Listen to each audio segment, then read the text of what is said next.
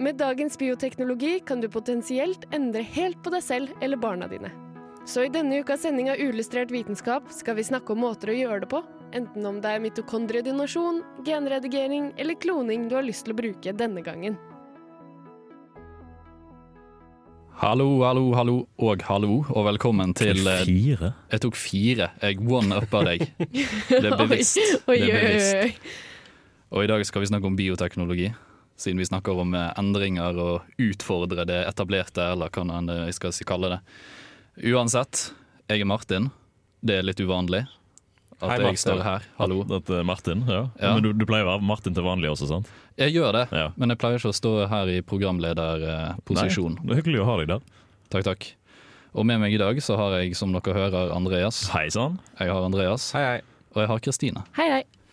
Og i dag så Ja, hvordan har dere hatt det? Har hatt Det det kanskje- veldig bra. Ganske Ja. chill. Jeg har mye juicy, juicy forskningsnytt uh, fordi jeg er så teit og ikke vil snakke om bioteknologi, så jeg har tatt meg turen til verdensrommet, så det kommer helt på slutt. Uh, så- Det ble- det ble Men jeg har òg tatt, uh, tatt uh, meg turen innom- Danmark, for der har de nettopp sluppet en saftig gein, for å si det sånn.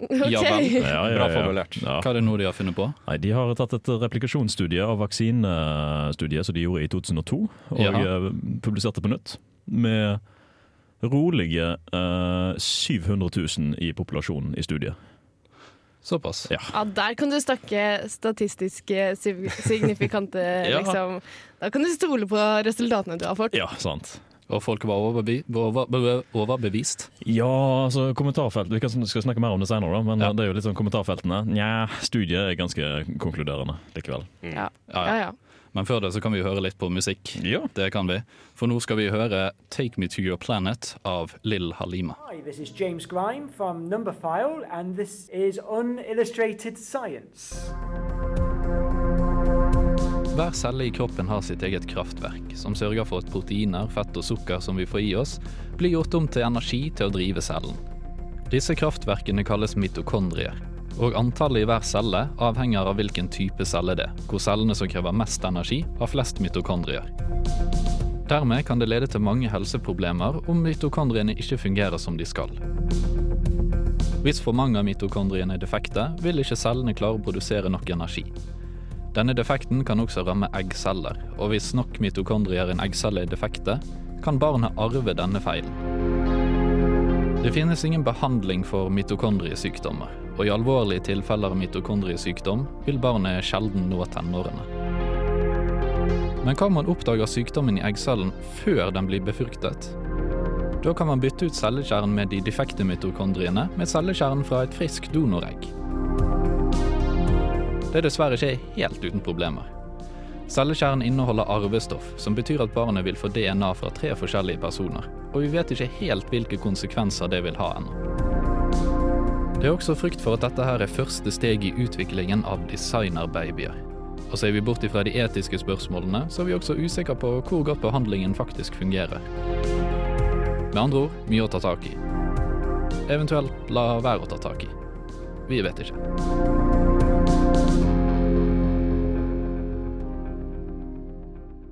Hei, Torfinn Borchhus her, ifra Nesten helt sant og Ikke gjør dette hjemme. Du hører nå på Uillustrert vitenskap. Stemmer, stemmer. Og vi skal fortsette diskusjonen vår om mitokondriedonasjon. Jeg fant nettopp løsningen på polygam forhold. Jaha? Mit Oi, Mitokondriedonasjon. Ja, Da kan du ha tre foreldre Ja. til ett barn. Det er jo Det er- perfekt, for da slipper du skjevhet i forholdet. Ja, Ja. Det er sånn, da blir det faktisk et felles barn. Ja. Pro problem solved.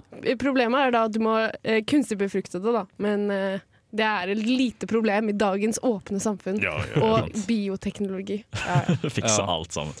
Og den ene moren kan vel si at hun har litt mer eierskap enn den andre. ja, men det gjør alltid den personen som har båret frem barnet, så det, er, det, går, det går ikke an å løse. Det er Ja. derfor fedre aldri har Nei, de har masse rettigheter. Ja, ikke sant? Never mind. Hun har også 99,9% av DNA i ungen òg, da. Eller ikke, ikke total, men fra morssiden, kan Ja. man si. da. Ja, det er, det er, nå lager du problemer. Nei, for, ja, hva var det du skulle Jeg skulle si Utrolig spennende prepod, uh, dette her. Tema Jo. også, for den saks skyld. Takk, takk. takk, takk. Det er det, absolutt. absolutt. Eh, Det har jo blitt gjort noen ganger, et par ganger. Eh, Det Sist gang les, en artikkel jeg leste var fra 2016. Da var det eh, gjort eh, i Mexico. Eller det var ikke gjort i Mexico, men barnet var født i Mexico av en jordan. Et barn er født i Mexico. I Jeg òg fikk den på hjernen nå. Ja, Det er ikke greit. fort gjort, fort gjort. Ja, men Eh, Det var en eh, lege fra New York som sto bak, og moren var fra Jordan. Så internasjonalt prosjekt. det må jeg si. Mm. Det var det absolutt. Eh, det, de, det har gått fint med ungen så langt. De har drevet og sjekket litt på Etter tre måneder så var vel eh, 1-3% av mitokondriene defekte, så en veldig liten del. Fordi det er ganske mange, det er en ganske betydelig prosent, over 50% eller noe som skal være defekt før man får noe Som- effekter. ja, symptomer. det. Ja. Ja. Ja. Det er òg veldig, veldig, veldig veldig sjeldent. Én av 6500 i Storbritannia har mitokondriefeil. Det er ca. ti personer årlig i Norge som er født med det. Men én av 6500, det høres jo ganske stort ut egentlig. Én av 6500. ja, det er Ja. det jeg mente. Jeg syns det hørtes litt mange ut. Altså, jeg synes det hørtes mange ut. Men jeg vil jo tippe at det er forskjellige grader av det òg, da. Ja, det er jo det. Så det er jo litt sånn forskjell på ja, alvorlighetsgrad. Ja, Mm. så det er jo sant. Herregud. Selvsagt. Men den i Mexico, var det da for å Fordi det var en kvinne som hadde mitokondriesykdom som ville ha barn? Eller var det bare et tilfeldig eh, forsøk? Nei, de hadde forsøkt flere ganger, og de hadde endt opp med mitokondriesykdom hver gang. Så Å, det var var ja. egentlig det som var greien. Så da er det mest sannsynlig ja, eggcellene hennes som har mitokondriefeil i utgangspunktet. Ah, En god kandidat for å teste det, da, egentlig, med andre ord. Ja, ja. Men det er jo litt, eh, litt motstand likevel, eh, og egentlig litt forståelig. Bioteknologirådet her i Norge for eksempel råder jo mot det. Ja. Eh, Det handler jo blant annet om at, som, sagt, som, jeg, sa i, som jeg sa i den prepoden vår, eh, at det er usikkert hva som skjer, hva langtidseffektene vil være. Det er òg det at feilene, om de skal oppstå, er arvelige. Ja, og det, Ja. det er liksom to ting som Bioteknologirådet i Norge er veldig motstandere mot. De er veldig Ja. forsiktige med både ting som man ikke vet fra før av. Føre-var-prinsippet er veldig sterkt i Norge. Og eh, arvelige endringer er ikke lovlig å leke med. Eh, fordi gjør du en arvelig endring, så kan det gå utover veldig mange mennesker til slutt. da. Mm. Hvis man fortsetter å få barn. Så det er gjort mye forskning på det, men det er stort sett på dyr, Mm. Ja. som er forståelig nok. Eh, Det som òg er, er jo det at i USA og Storbritannia så har de utviklet metoder for å forhindre at mitokondriesykdommer arves videre. Så dermed så er det kanskje ikke helt nødvendig med den mitokondridonasjonen. Er det som eh, metodene for å hindre det, altså er det da rett og slett ikke formere deg, eller er det faktisk inngrep de gjør? Jeg er faktisk litt usikker. nei, fordi, nei, fordi det var Bioteknologirådet som sa Ja. at eh, de hadde kommet med det. De har noe, ja. ja ok, Ja. okay. Ja, mm.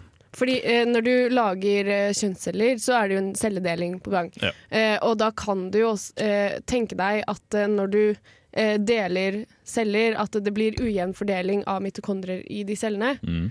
Eh, og at man kanskje kan velge ut de som er mest friske. Men så er det liksom sånn, kan man egentlig det? Det vet ikke jeg noe om.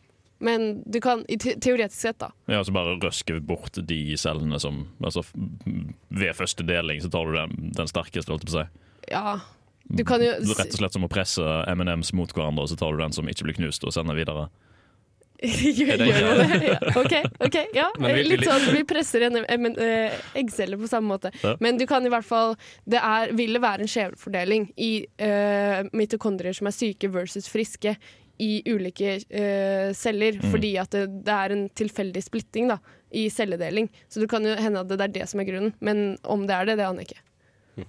Men vil ikke gi mening å på en måte Altså løsningen på liksom dette, er, er det den måten de gjør det på? At de fjerner Altså de, de, de sjekker at de friske cellene får lov til å gå videre, og så tar de liksom syke cellene og bare facer de ut? Er det det som er hele metoden for å ordne det? Eh, Nei, de tar ut cellekjernen i eggcellen, OK. og så tar de inn en donoreggcelle. Eller cellekjerne. Ja, ja, riktig. Ja. Så de endrer jo egentlig bare DNA i cellekjernen, så er sånn ca. 0,1 Mm. Men likevel så vet vi jo ikke hva det har å si, de Nei. 0,1 prosentene. Det er sant. En annen ting er jo det at eh, det er jo, litt, det er jo prøverørsmetode, det her. Mm. Og da tenker jo folk ofte designerbabyer. Så det er jo òg en viss frykt for at dette er på en måte første steget i den retningen. Det er jo alltid mye politisk motstand når det kommer bare med ideen av sånne ting. Ja, det er jo det. Men det, ja. Men det er jo som sagt fordi det er arvelig, og konsekvensene er jo da Selvsagt. derav litt mer alvorlige. Mm. Sånt. Ja. Da kan vi eh, gå videre til eh, neste låt, som er 'Kind of Love' av Rat City. Du får det her på Radio Revolt. Det her er Jon Anders Lie, er psykolog, og du hører på uillustrert vitenskap. Takk for det, Jon Anders Lie, og nå skal vi snakke om genterapi med Riple. Ja, det er med, mitt navn er Riple, og jeg skal snakke om genterapi. Det er helt Ja. sant. Kan du ta det på slam poetry, sånn som Martin gjorde? Andreas Riple, genterapi. Bra jobba. bra Takk. jobba. Eh, hvis det er noe jeg absolutt ikke kan, så er det uh, slam poetry. Ja. Yes, eh, Genterapi er jo veldig spennende. Vi skal prøve å holde oss litt unna type CRISPR og sånt, siden vi har oversaturert. Nei, det har vi ikke snakket om før! Nei, Det, det kan har vi vi ta. ikke snakket om. Og så er det litt sånn Funker det, funker det ikke? Vi vet ikke helt. Nei, Vi må nesten holde oss til måter som funker. ja, vi holder oss til måter å funke, og hvilken er bedre måte å starte på er å fortelle hva som ikke funker med dagens genterapi. Hei. Oi. Men altså, det, det, det skal jo sies at altså, genterapi er noe som har vært i forskning veldig, veldig lenge. Vi er kommet vel, ganske langt, vi er veldig flinke på det. Uh, men det er ennå på en måte ikke en, det er ikke en foretrukka måte å behandle på, egentlig.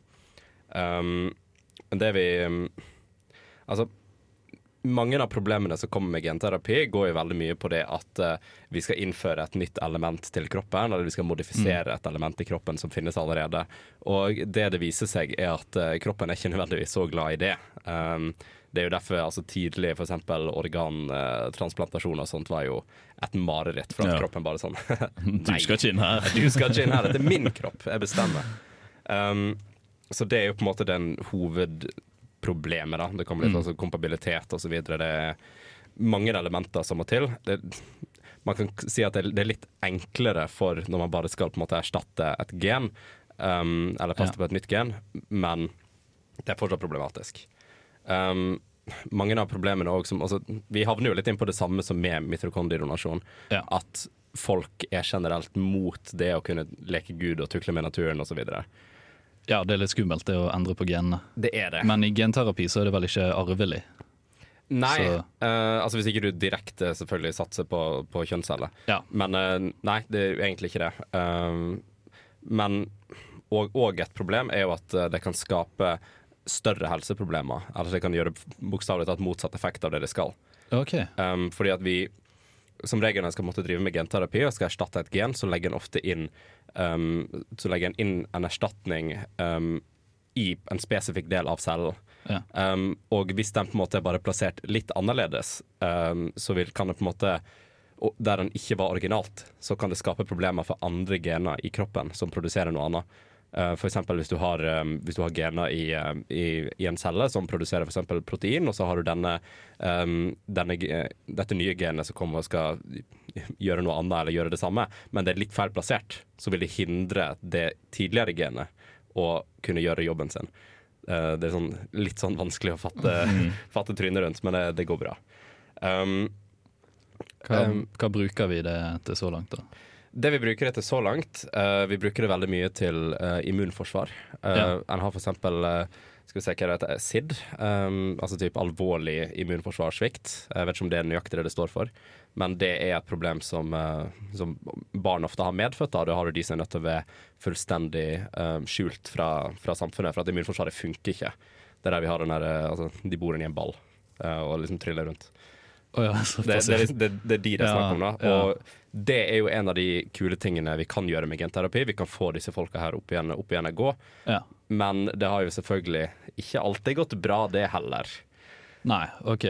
Um, en av de tingene som skjedde, var faktisk uh, Dette er fra typ nærmere 90-tallet. Um, eller tidlig 2000-tallet. Men der var det en, um, en kid som hadde sidd, og Gøyalt rim. Um, egentlig ikke. Nei, jo. Men Altså SID, sudden infant death syndrome? Nei? SCID. S, Eh, ja, ok. ja. Ja, okay. Um, så ja, du kan finne ut hva det, hva det står for. Men, um, men ene problemet der var at de skulle nettopp legge inn et nytt gen som skulle få uh, immunforsvaret opp igjen å gå, og skulle Ja. liksom gjøre at de, de klarte å produsere, produsere det de skulle gjøre. Uh, og det gikk for så vidt bra, men det de ikke hadde tatt i betraktning, var at med tanke på at han tidligere hadde immunforsvarssvikt, så var han veldig åpen for å få inn andre sykdommer. Eh, og han fikk jo, eh, fikk jo blodkreft. Uh, og litt av problemet som den, det genet som ble lagt inn, var at det hindra et gen uh, Hvis jeg husker et eller annet gamma C eller et eller annet sånt. Uh, et gen som stoppa eller hindra at cellene delte seg så fort. Um, oh, ja. Og når du da får blodkreft, og den, Ja. dette genet ikke funker lenger, og cellene deler seg kjempefort, hva skjer Ja. da? Du akselererer hele kreftprosessen. Man akselererer hele kreftprosessen. Og det var et eh, problem som oppstod. Jeg tror det var fem tilfeller noe sånt av det, eh, der én av fem døde. Så det gikk bra med de fleste. Ja. Men når du liksom Ja, det, sånne ting kan skje. Men så er det liksom sånn Er det bedre å få blodkreft enn å leve i en boble resten av livet ditt? Så må man liksom veie opp de tingene, da. Altså, ja. Du er inne på litt sånn etiske problemstillinger. Det skal ikke jeg forholde meg til. det skal ikke du. Det ikke Men det er sånn eh, det er jo, Man eh, gjør jo en nøye overveining av de eh, hver person man behandler med det, da. Og tenker sånn risiko, nytte Mm. eh, Kanskje noen ganger at det, det er stor risiko, men det er også veldig stor nytte. Men det er sånn, det er sånn problemer du som medisinstudent må forholde deg til. Jeg som driver med media, jeg trenger ikke tenke på sånt. Nei, du skal bare bare spre nyhetene. Jeg skal bare spre, jeg skal bare spre nyheten, jeg. Eh, men eh, vi selvfølgelig gå innom noen av de bra tingene vi også kan gjøre. Det er jo selvfølgelig Når disse tingene her funker, så har vi fått en del barn som sliter med nettopp, eh, nettopp SID eh, opp igjen og gå, fordi immunforsvaret har fått, eh, fått en turboboost, og de er i stand til å være motstandsdyktige i forhold til bakterier og virus. Eh, og det er kjempebra. Um, noe annet vi er i stand til å gjøre òg, er f.eks. Um, uh, det å være blind. Um, det kan man kurere i hermetegn med uh, bruk av genterapi, fordi um, Dette diskuterte vi forrige uttalelsen av retina. Uh, du, du har det, Kristine? Retina Ja. eller retina? Eh, Det, ja. Er Det er strengt talt ingen eh, tødler over bokstavene, så retina. OK, retina. retina. Mm. Um, det som er veldig fint med, med, med retinaen, er at um, det er på en måte et del av en del av kroppen som er på en måte veldig skjult fra det slemme immunforsvaret vårt som går og gjør jobben sin. Uh, så man er i stand til å uh, modifisere gener og sånt um, uten at immunforsvaret kommer og sier nei, dette er ikke greit. Ja. Eh, og liksom søke ut disse, disse cellene. Da. For det er jo et annet problem med genterapi. Det er at immunforsvaret vårt gjør jobben sin. Ja. Eh, og det vil jo ikke vi ha noe av. Det, det er jo farlig. Nei, sant. ja, det er litt skummelt. Er Ja, for ofte måten man gjør uh, genterapi på, er at man bruker virus. Og når kroppen oppdager virus, så er det sånn Å, shit! Mm. Virus! og, så, og så blir på en måte den Selv om det var en bra ting, så blir den ut, utslettet. ja. Den blir ofte det. Så da blir du liksom Da tar den og frastøter seg hele Ja, den bare hindrer hele, hele prosessen med erstatning av gener, egentlig. Det er ja. veldig problematisk. Så blir du syk istedenfor å bli frisk. Ja. Yep. Mm. Okay. Utrolig fascinerende. da. Veldig. Ja, ja. Men før vi går videre, så skal vi ha oss en pause. Men før der igjen, så skal vi høre Blurry Precise av Team Me. Du får det her på Radio Revolt. Fornybart. Jeg vil ha enda mer! Ren energi. Det må jeg si var helt OK. Karbonnøytral produksjon. Parisavtalen. Fantastikk. Bærekraftig utvikling. Å, det er akkurat det jeg vil ha! Resirkulering. Ja! Du hører på Uillustrert vitenskap på Radio Revolt. Det å klone noe, det er litt som å lage barn. Bortsett fra at eh, du lager et kopi av et menneske istedenfor å lage et blanding av to mennesker. Du må ha en eggcelle, for eggcellen inneholder viktig næring og signalmolekyler for at det skal vokse noe. Men DNA-et og oppskriften på det du skal lage, det tar du bort. Og så tar du hudceller, altså ikke sædceller også, men hudceller fra det du har lyst til å klone, oppi sammen med eggcellene. For hudcellene de inneholder oppskriften på det du har lyst til å klone. Og så gir du det støt, så det blander seg ekstra godt og rører litt rundt. Og så hvis du gir det næring og putter det inn i en livmor, så vil det vokse av seg selv og bli et helt nytt individ. Og eieren til den livmoren du putter det inn i, vil da føde ut en klon av den tingen du henta hudceller fra. Kort fortalt. Jeg er Aksel Tidemann. Jeg jobber som forsker på kunstig intelligens ved Telenor Research, og du hører på uillustrert vitenskap. Takk for det, Aksel Tidemann. Men Kristine, hvis jeg vil ha en til Andreas, kan jeg lage meg en eksakt kopi av en av Andreasene her i rommet? Å, det er det store spørsmålet. Vi trenger jo flere Andreaser her i studio. Spørsmålet som, eh, som bare frustrerer alle. Ja. Kan vi lage flere mennesker? Hvordan Det kan man få seg en egen personlig Andreas? Det er ikke Lov. Jo, Først og fremst, du vil blitt satt i fengsel. Men oh, hvis vi driter i det og lover og regler og kun ser på vitenskapen, så er det sånn at det kan være vanskeligere å klone mennesker enn det er å klone dyr. Jeg har et oppfølgingsspørsmål til, til deg, Martin. Ja. Hvilken Andreas ville du klone? Nei, og var- vi går videre Ja. til Ja, nei, bare fortsett. Bare fortsett. Nei, uh, det har seg sånn at vi har klonet mange dyr, og det har gått sånn ganske bra. Ja. Eh, du kan sende litt uh, hår fra hunden din til Kina, så får du valper som er like. Men greia er at kloner blir ikke like. Har Men du hvorfor sett, heter det kloner? da? har du sett uh, eneggende tvillinger? Som er sånn helt kliss like som babyer, og så blir de voksne, og så ser de helt annerledes ut når de er liksom 90 år gamle. Mm. Det, det skjer med kloner også. Oh, ja. Eh, De blir annerledes fordi halvparten av deg, altså miljøfaktorer som påvirker deg, det vil jo påvirke klonen annerledes. På samme måte som de ville påvirket en tvilling annerledes. Oh, ja. Og så har du det med at du har dårlig helse hos klonede dyr. Ja. Du kan også tro at du vil ha dårligere menneske hos klonende mennesker. Det er ganske okay. kjipt å ha dårlig helse. Sånn. Ja, altså, sånn, okay, sånn, ah, ok. Jeg, vil en, jeg vil heller ha en Ja. frisk Andreas enn en syk Andreas. Ja. Det, det, Lett å forstå. Ja, sant. Men du kan gjøre noe lignende. Du kan lage stamceller. Da bruker, ja. man samme, da bruker man kloning som en teknikk, mer enn en konsept i seg selv. Eh, du tar litt hud, skraper av litt hud, og så tilsetter du fire ingredienser. Eh, og så, og så kan du, får du samsel. Og så har vi juksa litt. Det skjer. Altså, du har ikke det, altså. Det er ikke kødd. Du tilsetter fire ingredienser. Det er, det er litt vanskeligere enn som så, da. Teknikken Ja, okay. er ikke så lett. Sukker, salt, everything sweet og uh, Kjemikalie X. Kjemikalie ja. Ja, ja, akkurat det. Ja. Nei, det er fire eh, transkripsjonsfaktorer da, for spesielt interesserte. Ja. Eh, men det er ganske ineffektivt. Du må ha mye mutasjoner, du får mye som går galt. Det går ikke like bra hver gang. Men du kan da altså f.eks. lage biter av eh, muskel, du kan lage nerveceller, du kan lage ting som man kanskje mangler. Da. Du kan lage hud, du kan lage uh, mye rart. Uh, og sånn kan man, har man også sett for seg Du kan lage organoider, altså gro organer eller organminiatyrer i laboratoriet, og det er det folk som gjør. Uh, kjenner folk som gjør det. Uh, ja, men, jo, jo, men mindre, men det er liksom. Jo, såpass vi- vanlig at det, det er en teknikk man bruker i forskningen den dag i dag. Men vi driver jo òg og, og vokser organer typ i dyr. Ja, men den er litt verre igjen. Mm. Fordi det å lage et helt organ har vist seg å være vanskelig.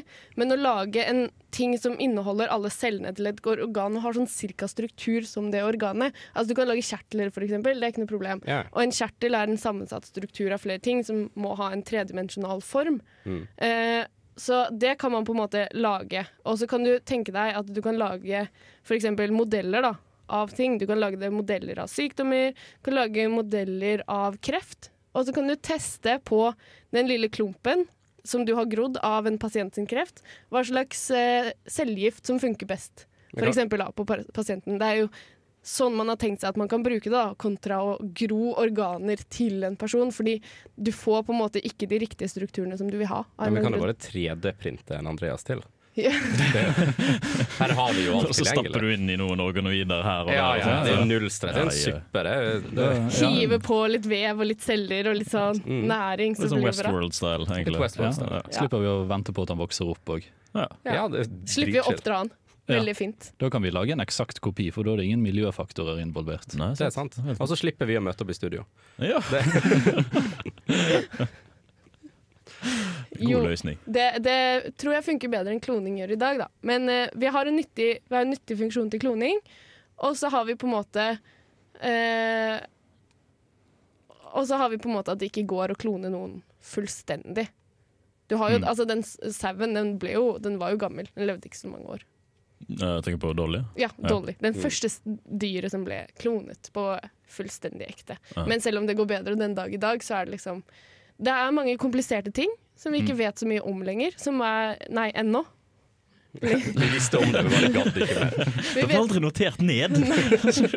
Døde den forskeren, og så husker ingen det lenger. Nei, det, det er ikke så veldig mange som vet Eller vi vet ikke hva som skjer, fordi, men du, vi vet at det er noe som skjer som vi ikke vet om. Så vi er kanskje en dag. Kanskje en dag. Ja. Kanskje en dag.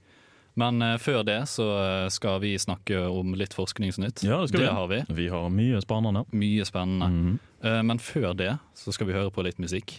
Nemlig Gaver Gavor med Tigerbukten. Du får det her på Radio Revolt. Uillustrert vitenskap er dritkule. Eh, Dere er det beste programmet ever. I love you guys. Hilsen super, hyperfan. Ah, koselig. Ja, Veldig koselig. Alltid gøy. hyggelig.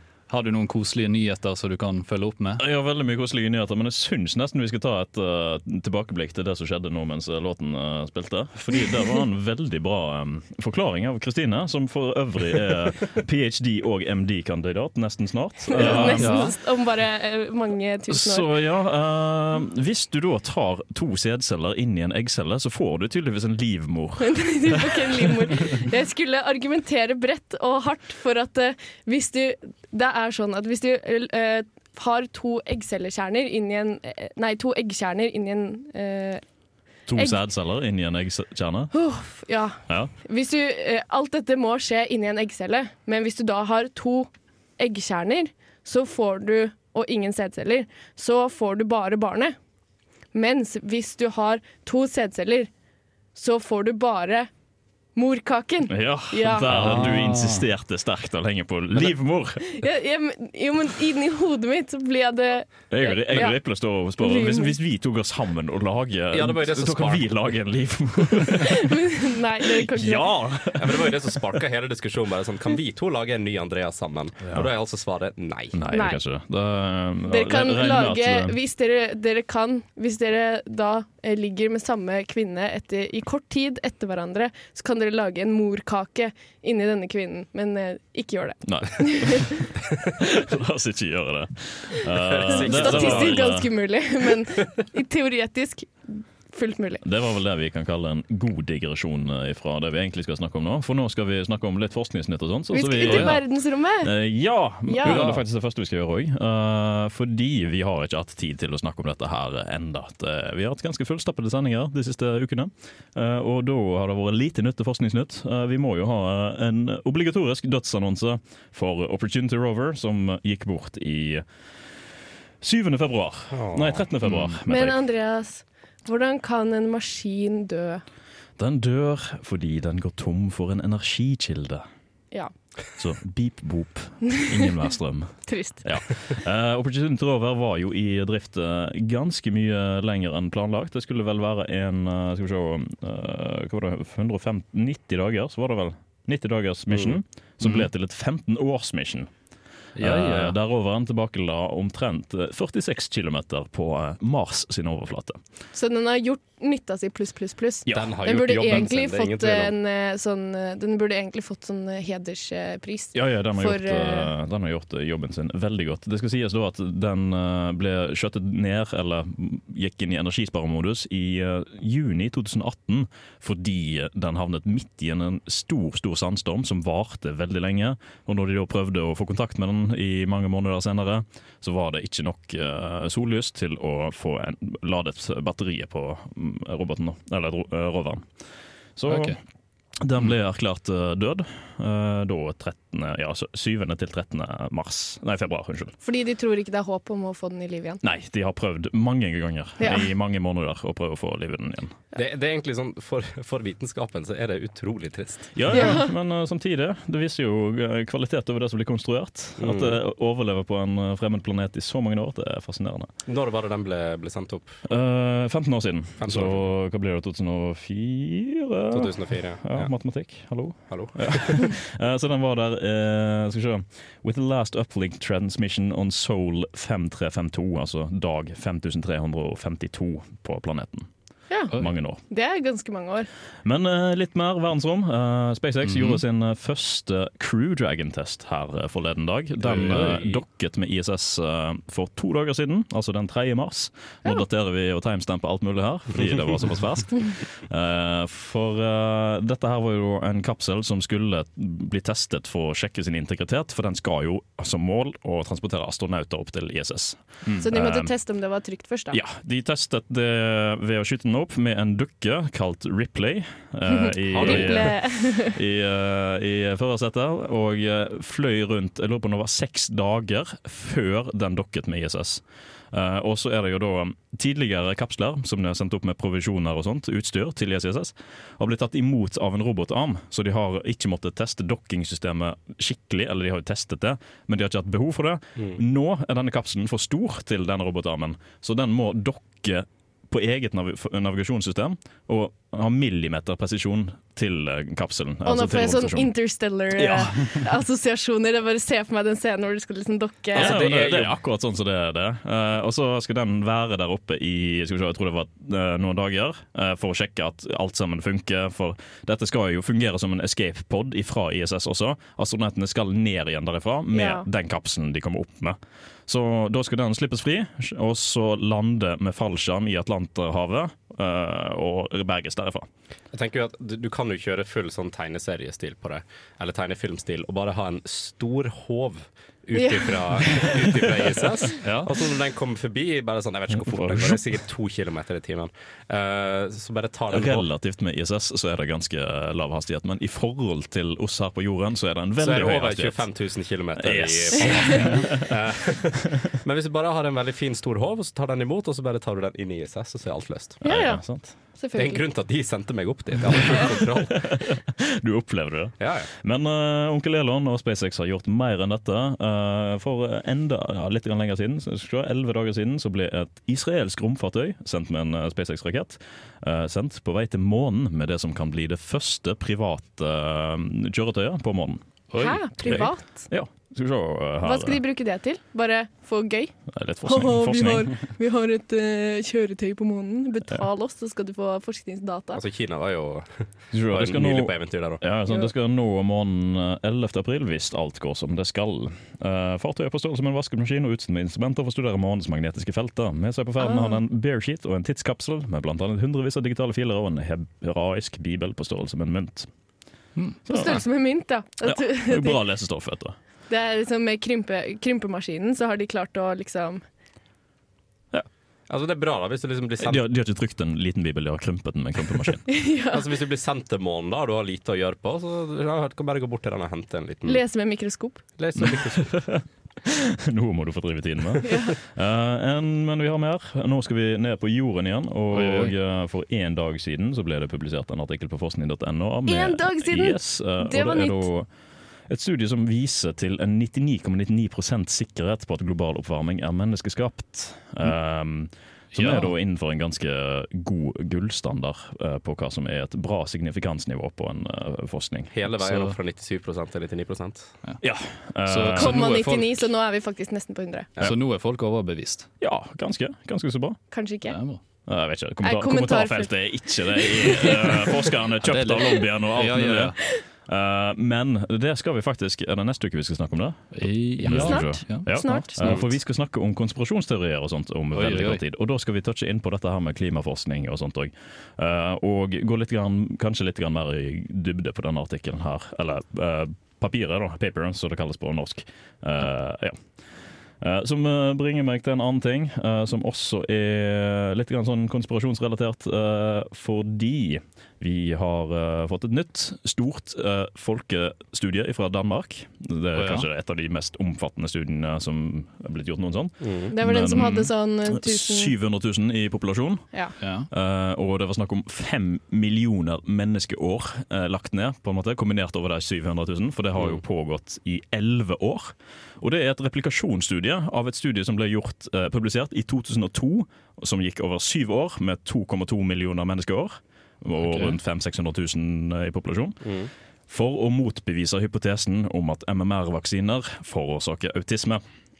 Og i likhet med det første studiet så konkluderer dette her med at det er ingen kobling mot MMR-vaksine og, øh, og autisme.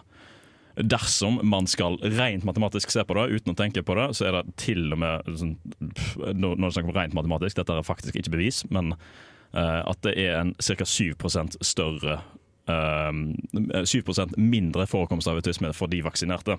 Mm. Rent matematisk sett. Åssen er Eh, kommentarfeltet her, da? Nei, vet du hva? Det, eh, den artikkelen her, den nye studiet, ble publisert for bare under 20 timer siden, faktisk. Så Mm. det er ikke helt Jeg vet ikke om det er blitt publisert noe annet sted enn altså uh, Hva var det nettsiden heter? Annals.org. Der er det en eh, artikkel på det. Eh, som jeg skal gå litt mer til grunne på uh, til neste uke. De har ikke kommentarfelt. Nei, Uh, Nei. det er en egen comment section, men eh, this feature is only available to registers users. Reddit derimot har tatt og kommentert på dette her ganske lenge. Mm. Eh, men der er det jo Slash Science er jo relativt bra moderert. Relativt. Mm. Veldig viktig å Altså. Uansett når det kommer sånne artikler som dette her, hvor man uh, går inn med kall det fakta og logikk, uh, og skal komme og Altså Det er en superbra studie, ti av ti-studie, men det vil alltid få backlash. Ja, ja, ja, Uansett. Men, Uansett. Det er jo det, hva var det 95% konfidensintervall på at det lå mellom 0,86 og 1,02. Altså den eh, relative risikoen for å få autisme uh, når du ser på vaksinerte og ikke-vaksinerte. Mm. Det var okay. ca. det som var snakk om. Og målingene, eller for å sjekke om det faktisk gav eh, autisme, var ikke signifikante verdier. Så det blir med andre ord støttet opp under at det er null relasjoner mellom vaksinen og autisme. Det er sånn- Konfidensintervallet ligger på hver sin side av Du kan si, du kan si at konfidensintervallet ligger på hver sin mellom eh, med eh, de, den streken du, Dette har ikke noe forskjell. Mm. Så det, det er liksom konfidensintervallet ligger på hver sin side av liksom eh, Gir autisme Mm. versus gir ikke aut Eller gir mer autisme versus gir mindre autisme. Og da er det Så det er sånn, det er sånn Dette er så sannsynlig at det ikke har noe å si i det hele tatt. At Mm. det, vi bare Dette er så signifikant. Men dette skal vi snakke mer om neste uke. Ja, for nå begynner vi å nærme oss slutten på sendingen. Veldig nært. Så vi skal snart si ha det. Men før det så skal vi høre på musikk igjen. Og vi skal høre på Das Body med 'Taller Than The Average Man'. Vitenskap er kjempegøy, og derfor er også uillustrert vitenskap kjempegøy. Det er kalas, for å si det sånn. Her på Radio Revolt. Og da var vi omsider ferdige. etter Omsider? Omsider, Omsider. omsider. For denne gang, for denne gang. Vi er tilbake igjen eh, neste uke, regner vi med. Alltid tilbake neste uke. Ja, Alltid. Alltid med når vi har ferie. bortsett fra de gangene vi ikke er der. Ja. Ja. Men hvis det føles for at det tar for lang tid, så er vi også på Spotify. Der har vi massevis av podkaster. Vi er òg på nettsidene til eh, Radio Revolt. Der kan du høre oss på eh, Stream on demand. Da får du med musikken. Mm. Og du finner oss òg på Facebook. Vi er der òg. Vi der også. Vi faktisk på- Sosiale ja, ja, ja. Ja, så der kan du eh, like og følge og i det hele tatt. Vi Snakke med oss. Vi er ikke på Snapchat. Nei, men vi er på Instagram, har jeg hørt. Ja. Vi er på Instagram, uillustrert vitenskap på Instagram. Der får du behind the scenes eh, fra når vi holder på. Har du sett? Har du sett. Fantastisk. Ja, ja, ja. Men jeg har vært Martin, og med meg i dag så har jeg hatt Andreas. Ha det bra. Jeg har hatt Andreas. Ha det bra. Og jeg har hatt Kristine. Ha det bra. Ha det bra.